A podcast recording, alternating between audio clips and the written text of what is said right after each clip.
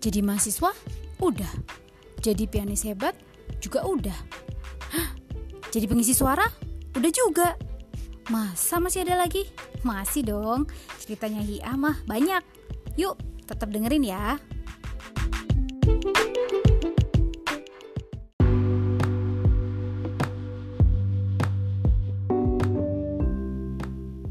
Aku sendirian di Amerika.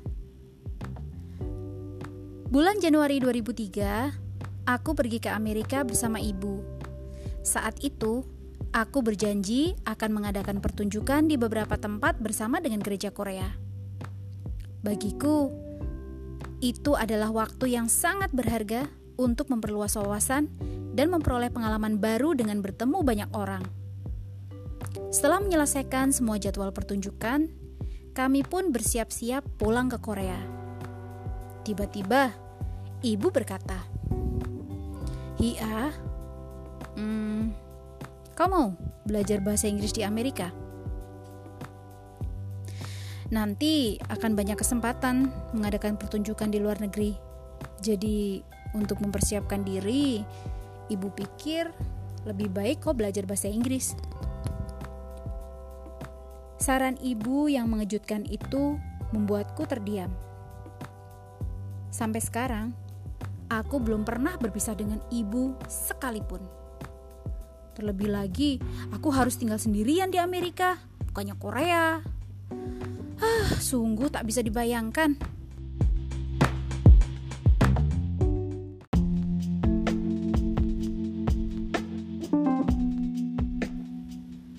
Namun, Ibu terus membujukku, seakan sudah membuat keputusan.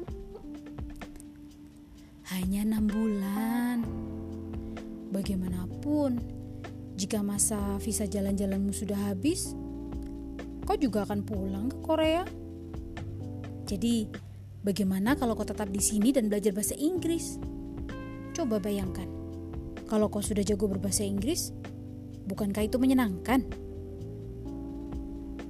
Aku tidak mengucapkan sepatah kata pun. Bagiku, tetap saja menakutkan tinggal di tempat yang bahasanya sama sekali tidak aku mengerti. Hah, apa maksud ibu menyalankan hal itu padaku? Seakan bisa membaca pikiranku, ibu kembali berkata, Iya, setahu ibu, kau suka menghadapi tantangan baru. Apakah sekarang kau ketakutan?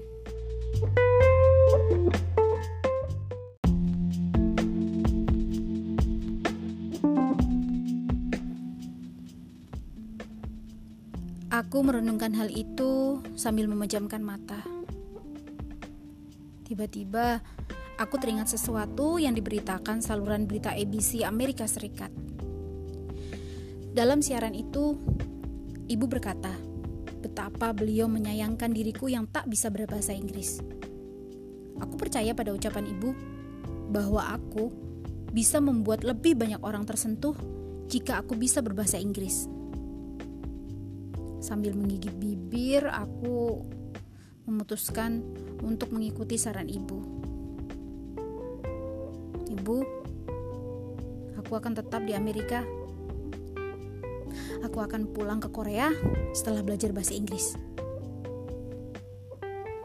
Aku menghabiskan waktu di Amerika Serikat bersama seorang pekerja sosial komunitas keturunan Afrika bernama Brenda Johnson.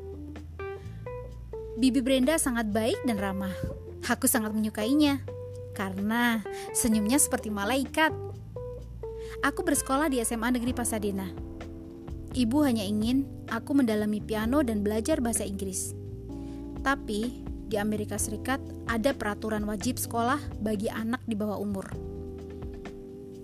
SMA di Amerika. Ini situasi yang jauh lebih sulit dibandingkan tinggal sendirian di Amerika tanpa ibu.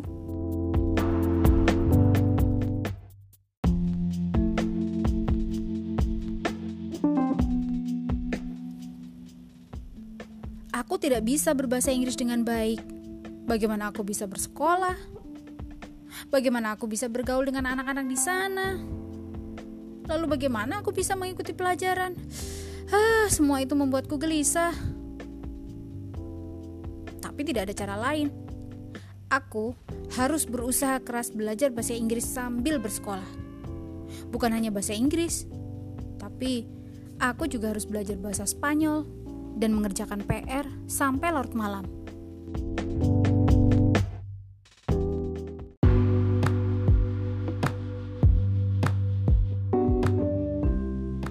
Selama aku tinggal di Amerika, komposer musik Lee Hee-gyong menawarkan diri untuk menjadi guru pianoku secara cuma-cuma. Sikap guru Lee Hee-gyong sangat lemah lembut. Beliau datang jauh-jauh ke tempatku bukan hanya untuk memberikan bimbingan tentang musik, tapi juga memberikan nasihat yang berkaitan dengan musik. Hiah, aku berharap suatu saat nanti kau bisa memainkan musik ciptaanmu sendiri. Bukankah menyenangkan? Jika Hi'ah bisa memperdengarkan musik gubahan sendiri kepada orang lain. Wah, komposer musik. Aku bisa mengubah musik? Tentu saja. Ia pasti bisa mengubah musik yang sangat bagus sampai orang lain tersentuh. Setiap kali mendengar kata-kata penyemangat dari beliau, hatiku terasa melayang. Dan aku pun bermimpi suatu hari nanti aku benar-benar akan memainkan musik gubahanku sendiri. Amerika Serikat adalah negara yang luas, tidak seperti Korea yang dipenuhi apartemen. Orang-orang yang berjalan di sekitar pertokoan pun tidak terlalu banyak. Di setiap rumah, orang-orang duduk di pekarangan rumput. Semua itu terlihat seperti lukisan. Ini pengalaman baru yang kudapat di Amerika tempat yang sangat berbeda dari Korea. Dan dalam waktu yang singkat, aku mendapatkan pencerahan yang berharga dalam hidupku.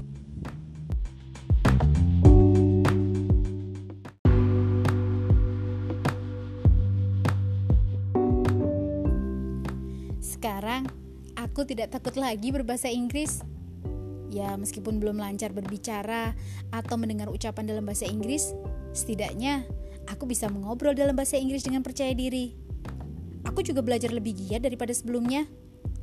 Aku belajar dengan rajin, juga berlatih piano dengan semangat di bawah bimbingan guru Lee Hee-gyong.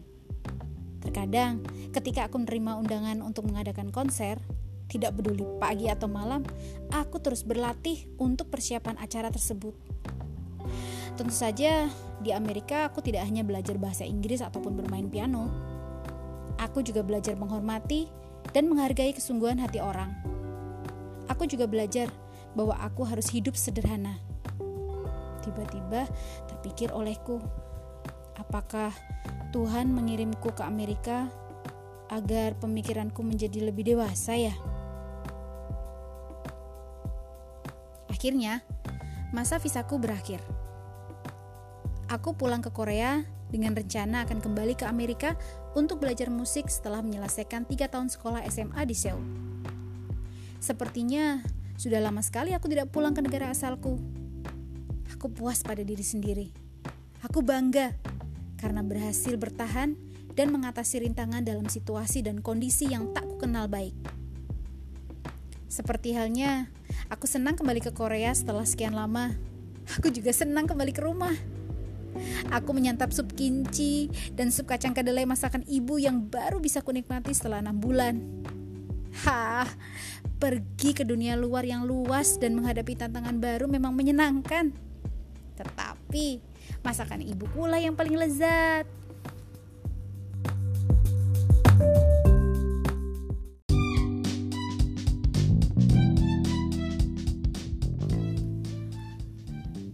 Catatan Hiah tentang sikap positif. Aku bisa pergi ke mana pun yang ku mau. Seandainya aku bisa terbang, negara mana yang akan kutuju ya? Terkadang, pikiran seperti itu terlintas dalam benakku. Khayalan bahwa aku bisa mendaki gunung yang hijau ataupun berenang di lautan yang dalam membuatku berdebar-debar bahagia saat bermain piano. Seandainya aku benar-benar bisa terbang, wah, betapa bahagianya diriku. Meskipun sekarang bisa memakai sepatu dan berjalan, aku tak bisa berlari sesukaku. Tapi aku tidak bersedih. Karena kenyataan bahwa aku bisa memakai sepatu dan berjalan sudah merupakan keajaiban bagiku. Itulah keajaiban pertamaku. Keajaiban lain adalah aku bisa pergi ke mana pun yang ku mau. Kalau ada yang mau mendengar permainan pianoku, permainan musikku, aku akan pergi ke tempat mereka. Tidak peduli di mana pun itu. Aku suka menerima tantangan baru dan bertemu orang-orang baru. Hal terpenting adalah pikiran yang positif. Kita harus berani dan berpikiran positif dalam meraih setiap impian yang kita inginkan. Kalian juga harus selalu menjalani hidup dengan penuh kegembiraan seperti aku ya, Lia. Dengan begitu, tidak ada satupun hal di dunia ini yang tidak bisa kalian lakukan.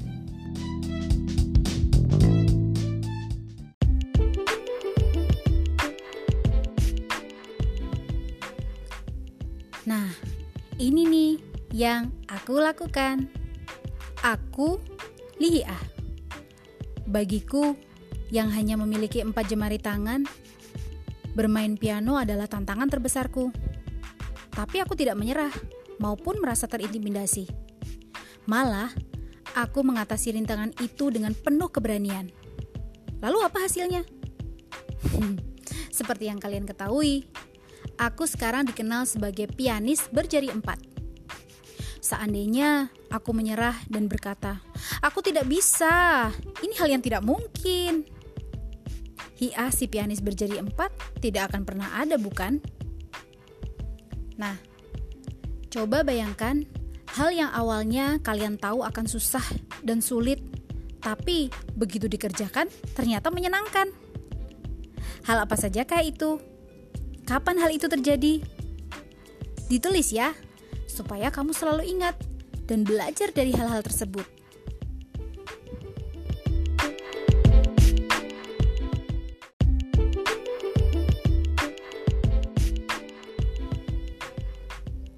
Hal ini pula yang dilakukan olehku. Aku, Lia, selalu menyukai tantangan baru. Jika dari awal sudah menyerah dan takut tak bisa berhasil, kita tidak akan bisa meraih apa pun. Berkat keberanianku menghadapi tantangan baru, aku bisa menjadi pengisi suara tokoh Pilaf di film Bartok the Magnificent. Belajar bahasa Inggris tanpa ditemani ibu di Amerika, dan belajar mengubah musik.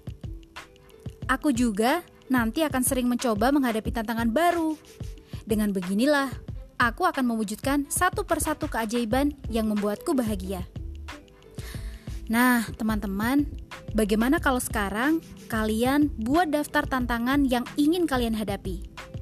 Coba tulis hal-hal yang sangat ingin kalian wujudkan dan kapan hal tersebut harus dicapai. Yuk, ditulis semua ya.